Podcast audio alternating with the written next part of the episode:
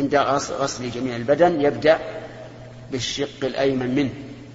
وهكذا أيضا في الغسل من الجنابة يبدأ بالشق الأيمن منه. نعم.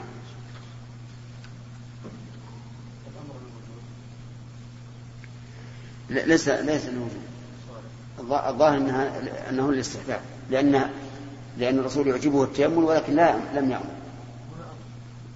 حين من الاستحباب الصالح الوجوء إن المقصود هو تغسيل الميت تطهيره وهو حاصل سواء تيامن أو لم تيامن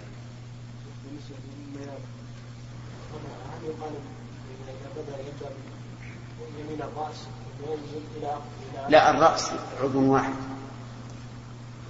وكان الرسول إذا مسح رأسه بدأ بمقدمه ثم انتهى إلى قفاه ولذلك مسح الأذنين لا لا يبدأ باليمنى.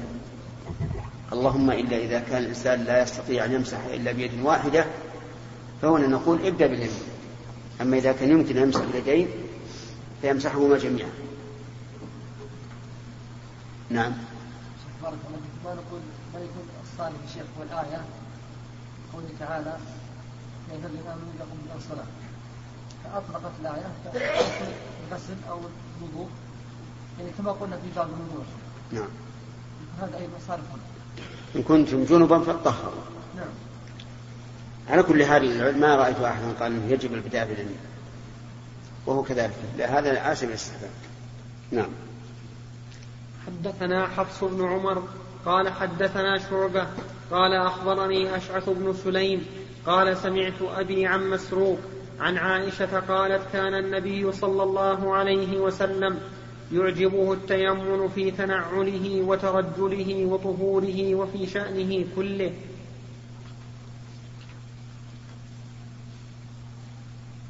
طهوره؟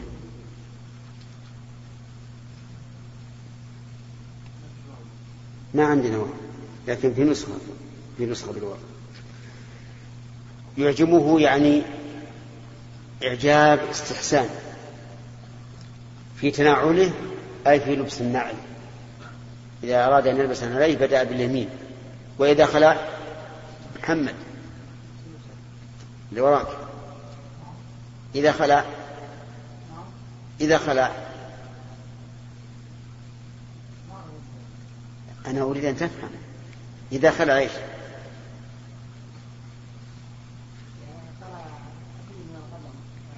إيش؟ إيش؟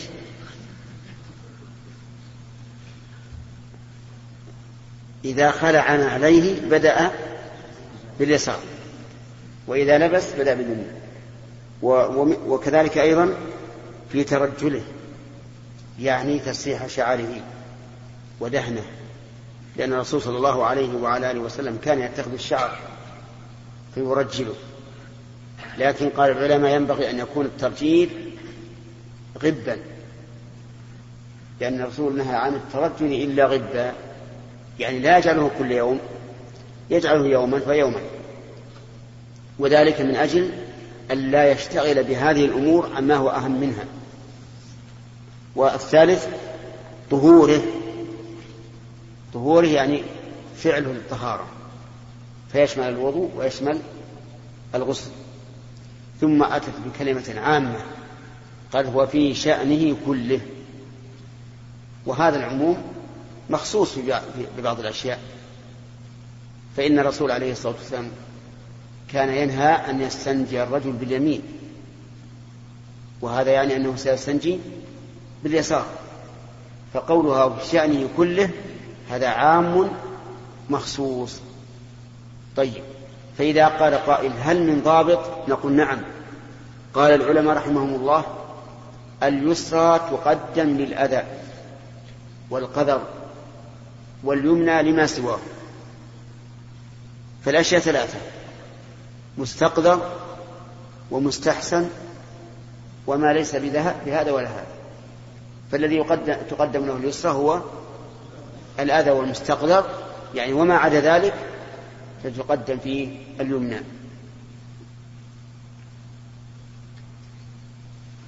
طيب هل يدخل في هذا لباس الثوب والقميص لباس الثوب والقميص؟ نعم. يدخل كمه الأيمن قبل الأيسر وكذلك في الرجل. وينبغي للإنسان أن ينتبه لهذه الأمور حتى يحصل على خير كثير حتى تكون عاداته عبادات. وكثير منا نغفل عن هذا وننسى. تجد الواحد لا يخلع اليسرى قبل اليمنى ولا يلبس اليمنى قبل اليسرى وكذلك في القميص وكذلك في السروال. وهذا أمر ينبغي للإنسان أن يستغل الزمن بالنية ويستحضر وهو إذا عود نفسه تعود لكن إذا غفل نسي. نعم. في موت نعم. لا. الساعة هذه تلبس بيد واحدة. تلبس في يد واحدة. ما هي في ما هي في اليدين جميعا. لكن هل يجعلها في اليمين أو اليسار؟ نقول هي أشبه ما لها الخاتم. والخاتم ثبت عن النبي صلى الله عليه وعلى آله وسلم أنه كان يتختم تارة باليمين وتارة باليسار. ويقول الناس إن في اليمين أحسن في اليسار. اولا لأن اللي يعبيها المسمار اللي يعبيها ما يليق به إلا آه، إذا كانت في اليسار. وثانيا يقولون إن اليمين اليمنى حركتها كثيرة وقد تتأثر الساعة بالحركة فكونها باليسار أولى. وعلى كل المسألة ما دام ما فيها يعني سنة واضحة الأمر فيها واسع نعم.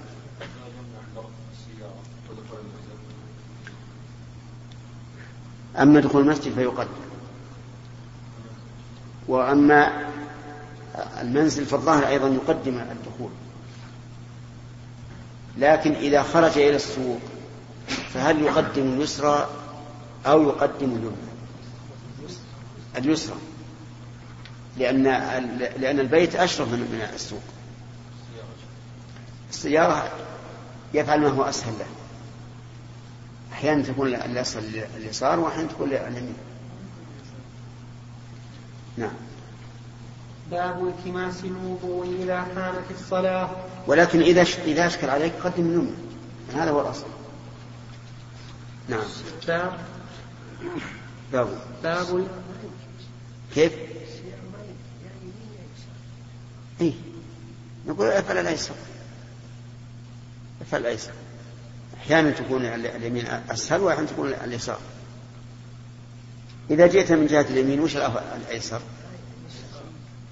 إذا جئت السيارة من جهة اليمين يعني يمينها يمين السيارة. اليسار أسهل؟ إيه، وين جئت من جهة اليمين؟ الآن هذا وجه السيارة من هنا. أنا إذا جئت مع هذا اليسار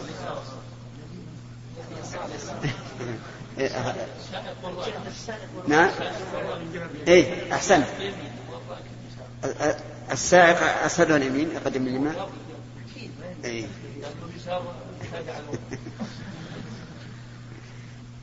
على كل حال يتبع الأسهل. ماذا ما في سنة واضحة. نعم. باب التماس باب التماس الوضوء إذا حانت الصلاة. وقالت عائشة حضرت الصبح فالتمس الماء. فالتمس. وقالت عائشة حضرت الصبح فالتمس الماء فلم يوجد فنزل التيمم. حدثنا عبد الله بن يوسف. قال أخبرنا مالك عن إسحاق بن عبد الله بن أبي طلحة عن أنس بن مالك أنه قال رأيت رسول الله صلى الله عليه وسلم وحانت صلاة العصر. فالتمس الناس الوضوء فلم يجدوه فأتي رسول الله صلى الله عليه وسلم بوضوء فوضع رسول الله صلى الله عليه وسلم في ذلك الإناء يده وأمر الناس أن يتوضأوا منه. قال فرأيت الماء ينبع من تحت أصابعه حتى توضأوا من عند آخرهم. سبحان الله. أشار المؤلف بقوله التماس الوضوء إذا حانت الصلاة أشار إلى أنه لا يجب لا يجب طلب الماء قبل الوقت وهو كذلك. وهل يستفاد منه أنه لا يجب حمل الماء؟ أو نقول يجب أن يحمل الماء؟ نعم. الظاهر لا يجب إذا كان فيه شيء من المشقة وإن لم يكن فيه مشقة فالأولى أن يحمل أن يحمل الماء. إذا لم يكن فيه مشقة فالأولى أن يحمل الماء. أما مع المشقة فلا يجب لا أشكال في ذلك. وفي هذا الحديث آية من آيات النبي صلى الله عليه وسلم وهو نبع الماء من من الإناء من تحت أصابعه. وهذا أعظم آية من الآية التي حصلت لموسى لأن موسى عليه الصلاة والسلام يضرب الحجر بعصاه فيتفجر عيونه. لكن النبي عليه الصلاة والسلام تفجرت العيون من من إناء لا صلة له بالأرض. الحجارة قال الله تعالى وإن من الحجارة لما يتفجر منه منه الأنهار. لكن هذا أعظم. ولهذا ذكر أهل العلم رحمهم الله أنه ما من آية لنبي سابق إلا كان لرسول الله صلى الله عليه وسلم مثلها. كل الآيات السابقة للأنبياء فلرسول الله صلى الله عليه وسلم مثلها. عرفتم؟ إحياء الموتى ورد لأتباع الرسول عليه الصلاة والسلام. كرامة. والقاعدة أن كل كرامة لولي فهي معجزة وأقول معجزة تبعا لكلام العلماء فهي معجزة للنبي الذي اتبعه. لأن هذه الكرامة للولي شهادة من الله على أنه على إيش؟ على حق. وهذا الولي يتبع النبي فيكون شهادة لكون دين هذا النبي حقا. وهذا واضح. والنبي عليه الصلاة والسلام وإن كان لم يحصل له الإحراق بالنار مثلا أو الإلقاء في النار فقد حصل لطائفة من من من, من أتباعه عليه الصلاة والسلام. كذلك أيضا بنو إسرائيل عبروا البحر. وهذه الأمة عبروا البحر على وجه أبلغ لأن بني إسرائيل شق لهم البحر. شق لهم ومشوا على على يبس على جنس على الأرض نفسها أما هذه الأمة فالذي حصل أنهم مشوا على الماء. مشوا على الماء. ويقول المؤرخون إنه كلما تعبت خيولهم أنشأ الله ربوة في نفس الماء حتى يستريح فيها الفرس. لأن الفرس صار يمشي بالماء. فهذا من آيات الله عز وجل والله سبحانه وتعالى هو الذي بيده الأمر وهو الذي يخلف العادات والطبائع لأنه هو الخالق. وفي هذا الحديث دليل على أن الناس يجب عليهم طلب الماء بعد دخول الوقت لقوله فالتمس الناس الوضوء الوضوء فلم يجدوه. ويدل عليه قوله تعالى فلم تجدوا ماء. قال العلماء ولا نفي للوجود إلا بعد الطلب. أما أن الإنسان يجلس في رحله يقول ما عندي ماء هذا لا يستقيم فإذا نزلت بفلاة من الأرض فالواجب عليك أن تبحث إذا دخل وقت الصلاة عن الماء. لا تقل أنا الآن ما عندي شيء طيب ابحث. لأن الله يقول فلم تجدوا ماء. فإذا بحثت ولم تجد فتيمم. وهل يتيمم الإنسان وهو يرجو وجود الماء في آخر الوقت؟ أو يعلم. قال بعض العلماء إذا كان يرجو وجود الماء أو يعلم وجود الماء في آخر الوقت فإنه لا يجوز أن يصلي بالتيمم. ولكن الصحيح أنه يجوز أن يصلي بالتيمم وإن كان يرجو وجوده. لعموم قوله صلى الله عليه وسلم فأيما رجل أدركته الصلاة فليصلي. وإذا دخل وقت الصلاة فقد أدرك أدرك الصلاة. لكن الأفضل أن يؤخر إذا كان يرجو الوجود. وكلما قوي الرجاء قوي تأكد التأخير. نعم. كيف إيش؟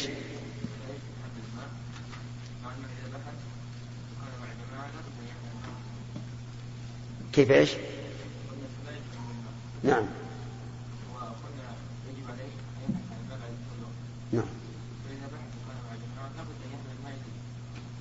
لابد أن يحمل الماء. ما معهم شيء. ما معهم إلا الماء الذي يكفي لطعامهم لشرابهم وطعامهم. ها؟ يحمل ما في, في إذا كان في سيارة يحملها في براميل أو في تانك. إذا كان على إبل يحملها في القرب. ها؟ لا لا يجب الماء. يجب طلب الماء إذا حضرت الصلاة. فإنه يحكم به.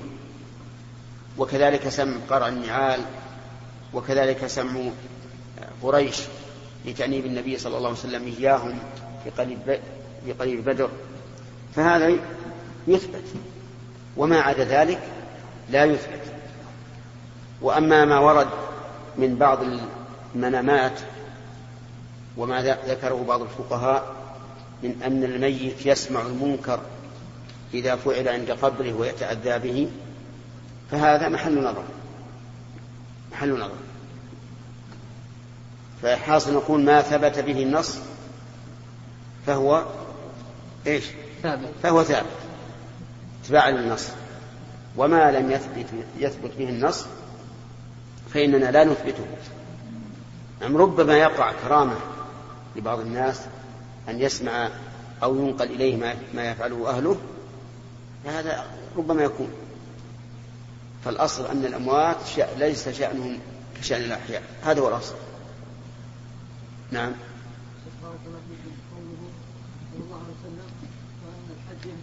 أصبر. دخل وقت البخاري.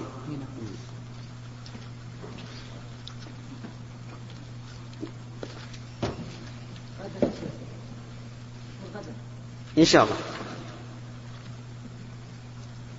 حتى أظن.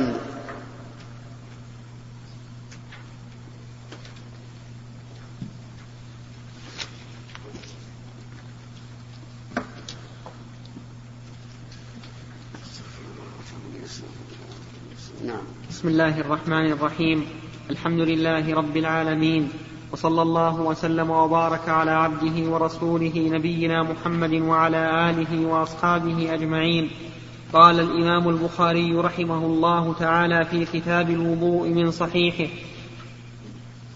باب الماء الذي يوصل به شعر الإنسان وكان عطاء لا يرى به بأسا أن يتخذ منها الخيوط والحبال وسؤر الكلاب وممرها في المسجد. وقال الزهري إذا ولغ في إناء ليس له ليس له وضوء وليس له وضوء غيره يتوضأ به. وقال سفيان نعم. عندنا وسؤل الكلب الكلاب وممرها في المسجد. الكلب. كيف؟ إذا ولغ الكلب في إناء ليس ليس له وضوء وقال الزهري إذا ولغ في إناء. الكلب. في عندي هذا معلق. نعم. وقال الزهري إذا ولغ في إناء ليس له وضوء غيره يتوضأ به. وقال سفيان هذا الفقه بعينه. يقول الله تعالى فلم تجدوا ماء فتيمموا وهذا ماء وفي النفس منه شيء يتوضأ به ويتيمم. هذه آثار ذكرها البخاري رحمه الله. الماء الذي وصل به شعر الإنسان هل يكون نجسا أو طاهرا؟ يكون طاهرا لأن شعر الإنسان طاهر. وما تغير بالطاهر فهو طاهر. وهذا يدلنا على أن البخاري رحمه الله لا يرى قسما ثالثا في باب المياه وأن أقسام المياه اثنان فقط طهور ونجس. خلافا لمن قال إن هناك قسما ثالثا بينهما وهو الطاهر. فالمياه إما طاهر مطهر وإما نجس منجس وإما طاهر غير مطهر على رأي بعض العلماء والصواب أنه قسمان فقط. طاهر مطهر ونجس منجس. فما تغير بالنجاسة فهو نجس منجس وما لا فهو طاهر مطهر. هذا هو الصحيح. نعم. و وكان عطاء وقال نعم وكان عطاء لا يرى به بأسا أن يتخذ منها الخيوط والحبال. يعني من شعر الإنسان. وكانت الشعور في ذلك العهد تطال. يعني الرجل يكون على شعر طويل. يقول لا بأس أن تتخذ منها الخيوط والحبال. الخيوط الدقيقة والحبال الغليظة. ولكن في النفس من هذا شيء. لأن في هذا نوع امتهان للإنسان. أن يجعل شعره نعم حبالا وخيوطا ثم هذه الحبال ما الذي يربط بها؟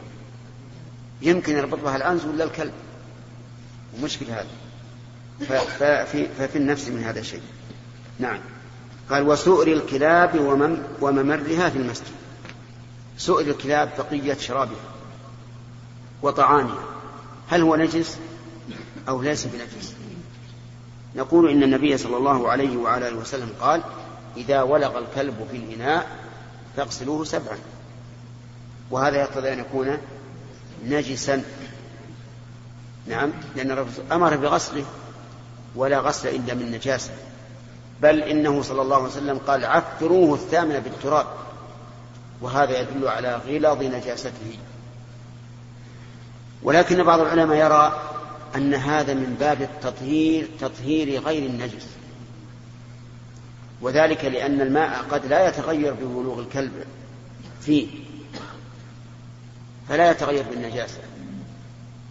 ولو كان من أجل النجاسة لكان إذا طهر ولو بثلاث كفى.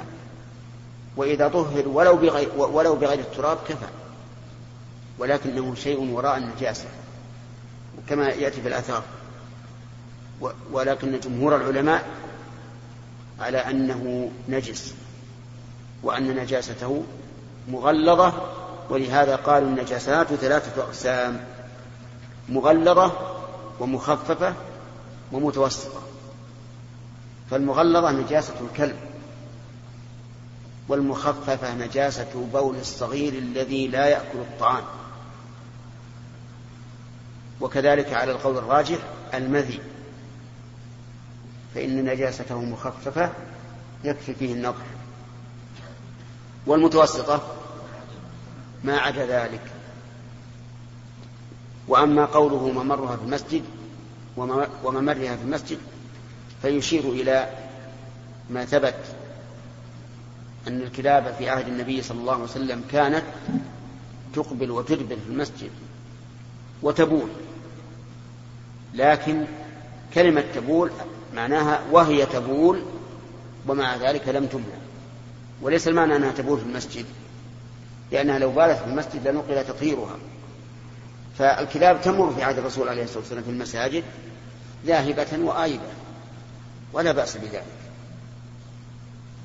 فهل نقول إن هذا يدل على طهارتها كما ذهب إليه الإمام مالك رحمه الله؟ الجواب لا. لا نقول بهذا. لماذا؟ لأنها تمر بالمسجد يابسة فلا يعلق بالمسجد شيء من نجاستها. والمسجد كذلك يابس. فلا يعلق شيء من نجاستها بالمسجد. ولهذا قال العامة قاعدة فقهية مفيدة وهي ليس بين اليابسين نجاسة. قاعدة عامية تداولها النساء العجائز لكنها فقهية تماما ليس بين منصوب.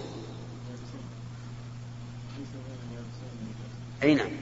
يعني إذا تلاقى شيئان يابسان ولو كان أحدهما نجسا فلا نجاسة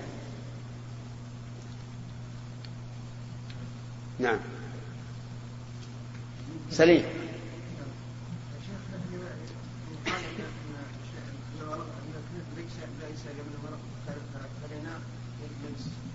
والبول لو فتح في بول غسلنا ثلاث وصلنا وش يجب إيه. هل جاءت من السنة؟ أنه يوصل من من من بلوغ الكلب سبع مرات حتى بالتراب ومن البول حتى تزول النجاسة أقول هل جاءت من السنة؟ إذا جاءت السنة بشيء سليم فقل سلمنا وسمعنا وأطعنا إن عقلنا الحكمة فهذا من فضل الله وإن لم نعقل فالحكمة شرع الله عز وجل. ولهذا قالت عائشة لما سألتها ما بال الحائض تقضي الصوم ولا الصلاة قالت كان يصيبنا ذلك فنؤمر بقضاء الصوم ولا نؤمر بقضاء الصلاة. أه إيه نعم الذين يقولون يعني قصدك الكلب يقولون إن هذا الغسل ليس للنجاسة. لكن لما يحدث من الضرر بريقه ولهذا قالوا إن فيه دودة شريطية مثل الشريط صغيرة لا يقتلها إلا مكاثرتها بالماء وسحقها بالتراب. اصبر يا آدم. عرفت؟ قالوا لأنه لو كان للنجاسة لكان إذا زالت النجاسة فهو كغير من النجاسة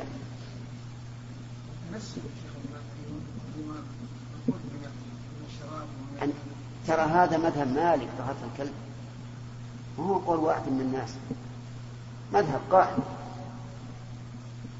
ويعللون وجوب الغسل بما سمع فهمت؟ أي نعم. نعم يا آدم.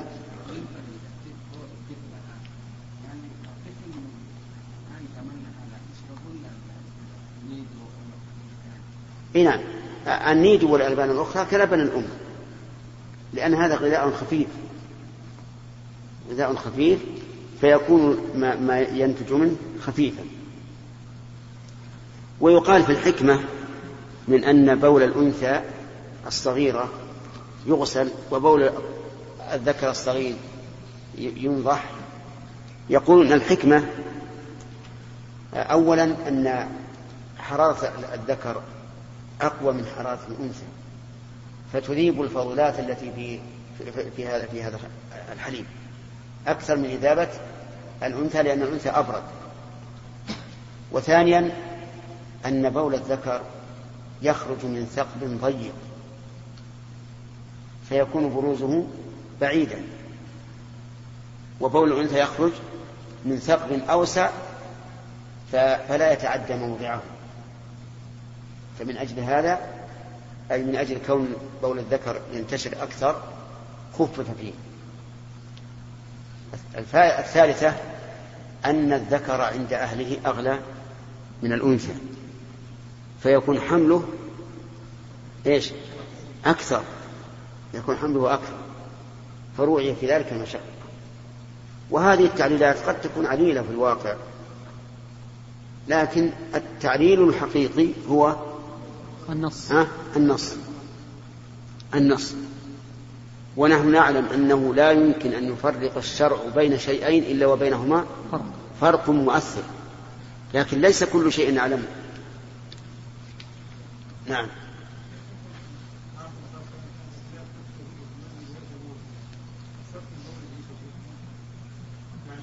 قلنا ويتبول في خارج المسجد. نعم.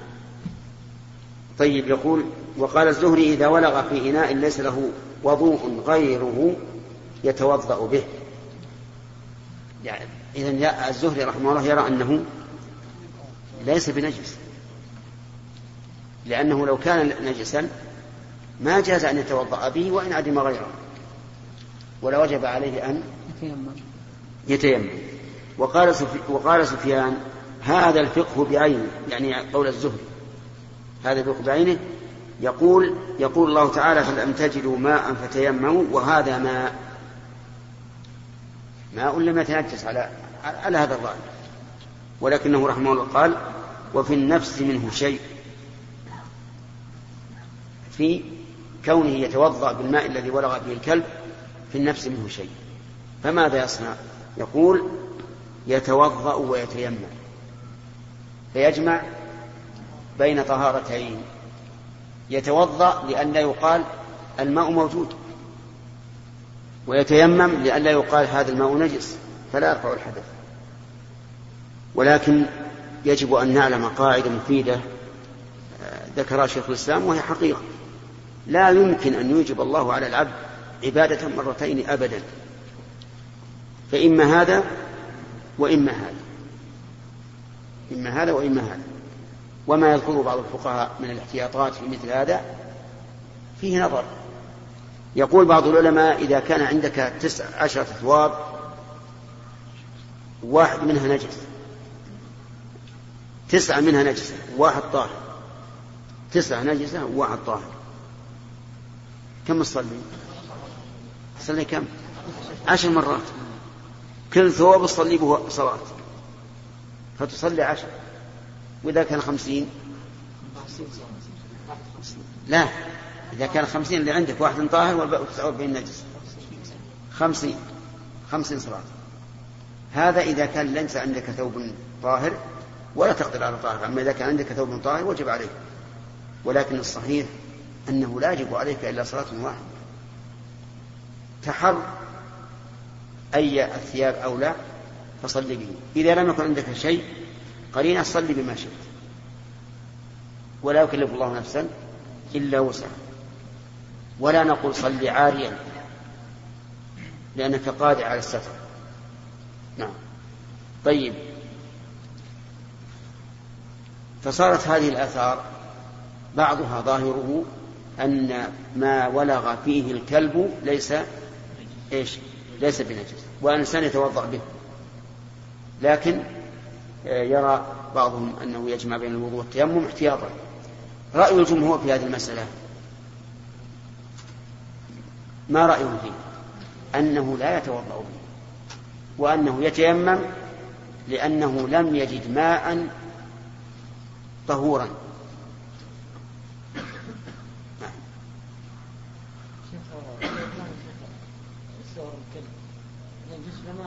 يعني لو أمرنا اذا اصاب الكلب شيء أن نغسل لو امرنا إيش؟ نحن ارسلنا الكلب. نعم. للصيد نعم. صادقا وطيرا. نعم. سقط عليه بعض الكلب. نعم. لعاب لعاب امرنا بغسله اي نعم. وقد أمرت بغسل. قد أمرت بغسل. تغسل السبع مرات إحداها بالتراب. طيب. اي نعم. طير يعني ما أصابه فم الكلب ما هو كل الطير. ما أصابه فمه. ولكن إذا قلت ان ان إن التراب يؤثر على اللحم ويفسده قلنا لك صابون. استعمل الصابون.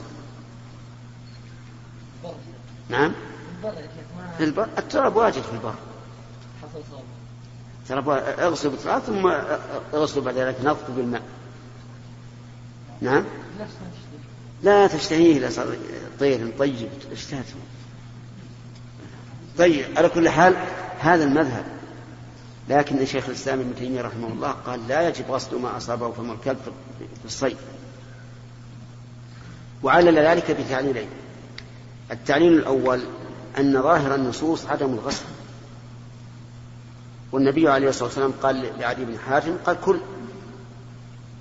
ولم نمر بالغسل ولو كان الغسل واجبا لكان هذا مما تتوافر الدواء على نقله. يعني كل الناس يصيدون. والوجه الثاني أو التعليل الثاني أن في هذا حرجا ومشقة. والله سبحانه وتعالى قد رفع الحرج والمشقة عن هذه الأمة. فهمت؟ وهذا القول هو الراجح. فيكون هذا مستثنى. مستثنى من أجل الحرج والمشقة هنا إيش رايكم يا شيخ الراجح؟ إيش؟ قول الزهري وش ترجحون؟ إيش؟ قول الزهري وش ترجحون فيه؟ والله يا أخي أنا ما, ما عندي بها يعني قطعا ليس عندي فيها قطع بهذا لكن قول الجمهور احوط احوط لا سيما إذا لم يصح إذا لم تصح رواية مسلم وهي قول الرسول فليرقه يعني إذا لم يصح قوله فليرق لازم من هذا أن يكون الماء طاهر. طاهرا. لكن أكثر الحفاظ صحوه وقالوا إنه صحيح فليرقه. هنا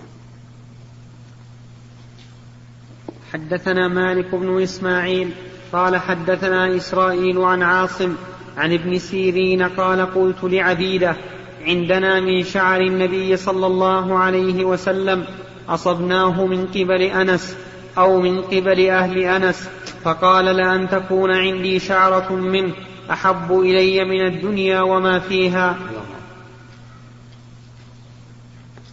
حدثنا محمد بن عبد الرحيم قال أخبرنا سعيد بن سليمان. هذا الذي قاله في شعر النبي صلى الله عليه وسلم إنما يختص بالرسول عليه الصلاة والسلام هو الذي يتبرك بشعره وثيابه وريقه وعرقه.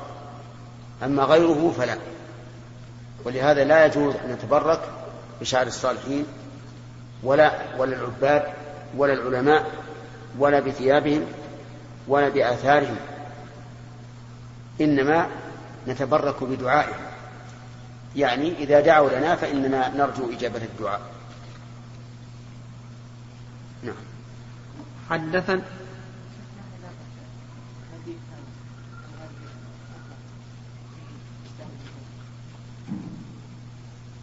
لأنهم كانوا يضعون الماء على شعرات الرسول عليه الصلاة والسلام يستشفون بها. فقد كان عند أم سلمة رضي الله عنها جلجل من فضة فيه شعرات من شعرات النبي صلى الله عليه وسلم يصب عليه الماء ويخضخض ثم يشربه المريض فيشفى بإذن الله. نعم؟ إذا كان طاهرا جاز الوضوء به. نعم.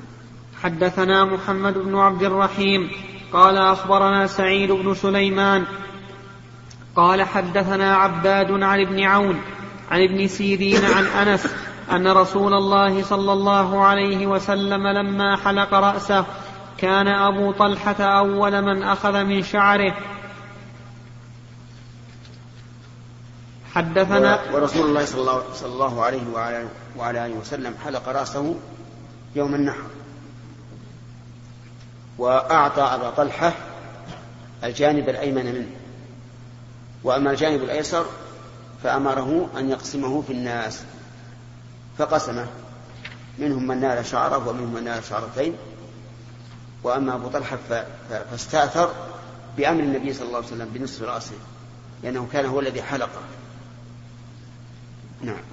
حدثنا عبد الله بن يوسف عن مالك عن أبي الزناد عن الأعرج عن أبي هريرة قال إن رسول الله صلى الله عليه وسلم قال إذا شرب الكلب في إناء أحدكم فليغسله سبعا. نعم. باب اذا شرب الكلب في اناء احدكم فليغسله سبعا الحديث نسخة هذه. نعم هذه نسخه نعم حدثنا إسحاق قال أخبرنا عبد الصمد قال حدثنا عبد الرحمن بن عبد الله بن دينار قال سمعت أبي عن أبي صالح عن أبي هريرة عن النبي صلى الله عليه وسلم أن رجلا رأى كلبا يأكل الثرى من العطش فأخذ الرجل خفه فجعل يغرف له به حتى أرواه فشكر الله له فأدخله الجنة. وهذا يدل على أن الإناء لا ينجس إذا ولغ الكلب فيه. لأن الرسول عليه الصلاة والسلام لم يذكر أن هذا الرجل غير خفه أو غسلة. ولكن يقال إن النبي صلى الله عليه وسلم لم يسق الحديث لهذا الغرض وإنما ساقه من أجل الحادثة فقط. وكونه غسل خفه أو لم يغسله صلى فيه أم لم يصلي فيه كان شريعته من قبلنا وجوب الطهارة أو عدم وجوبها هذا ما تعرض له. فلا وجه للاستدلال بذلك على أنه لا يجب غسل الإناء إذا ولغ فيه الكلب. نعم. وقال أحمد بن شبيب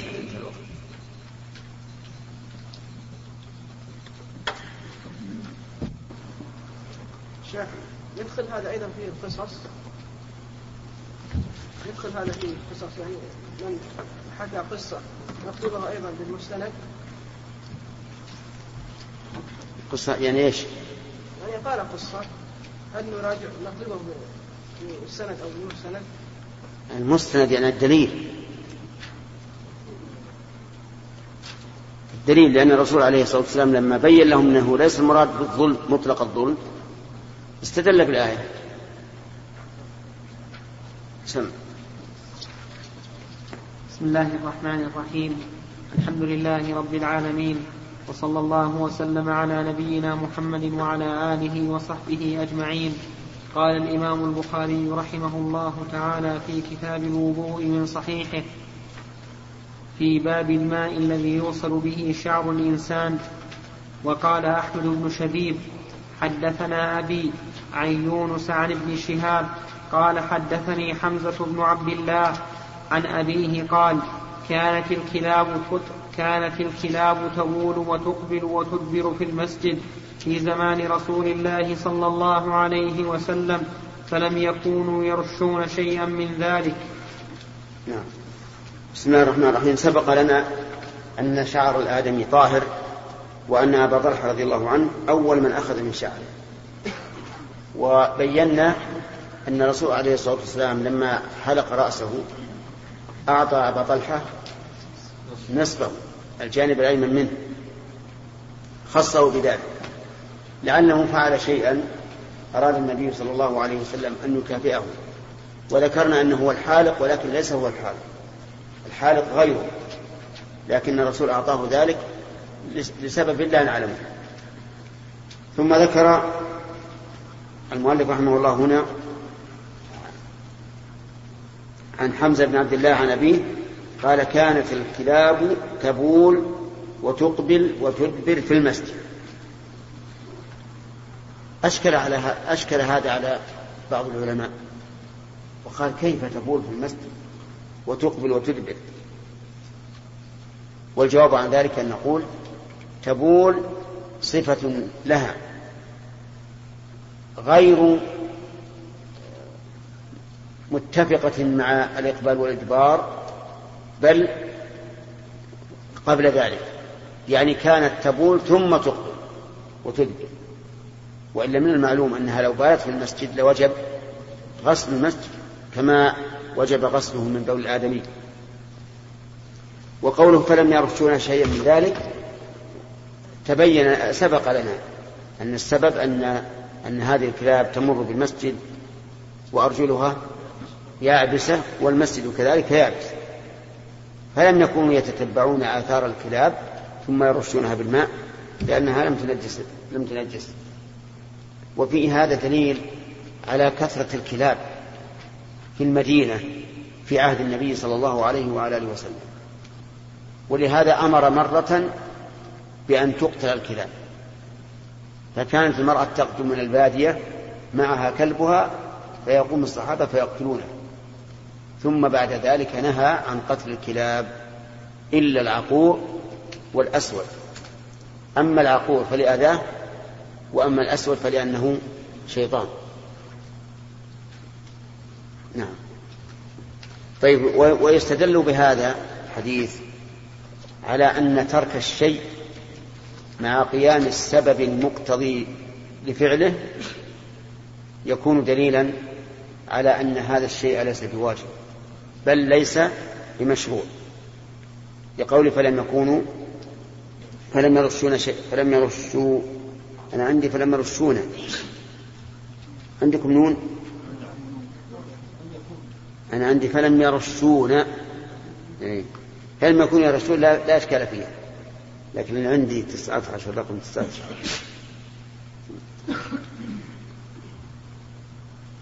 يكون نسخة ثانية. فلم يكونوا يرشون. أقول يفهم منها أن ما وجد سبب فعله ولم يفعل فالسنة إيش؟ تركه. نعم.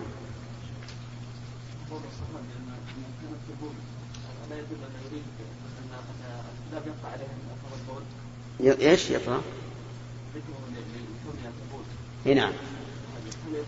هي معلومة الكلاب إذا صارت تبول. سيأتيها من أثر البول. لا ما يقع. لأن نقول تدخل المسجد بعد أن يبس أرجلها نعم.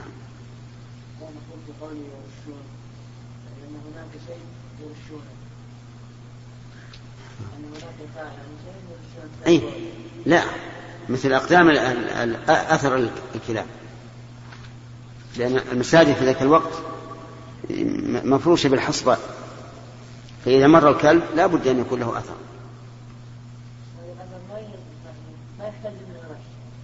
لا لا اللي يحتاج قد يقول القائل ما أيها دامت. تبول ثم تأتي للمسجد في ختام هذه فقد يكون علق بأرجلها. نسأل الله أن شيء من التراب. في لقاءات متجددة.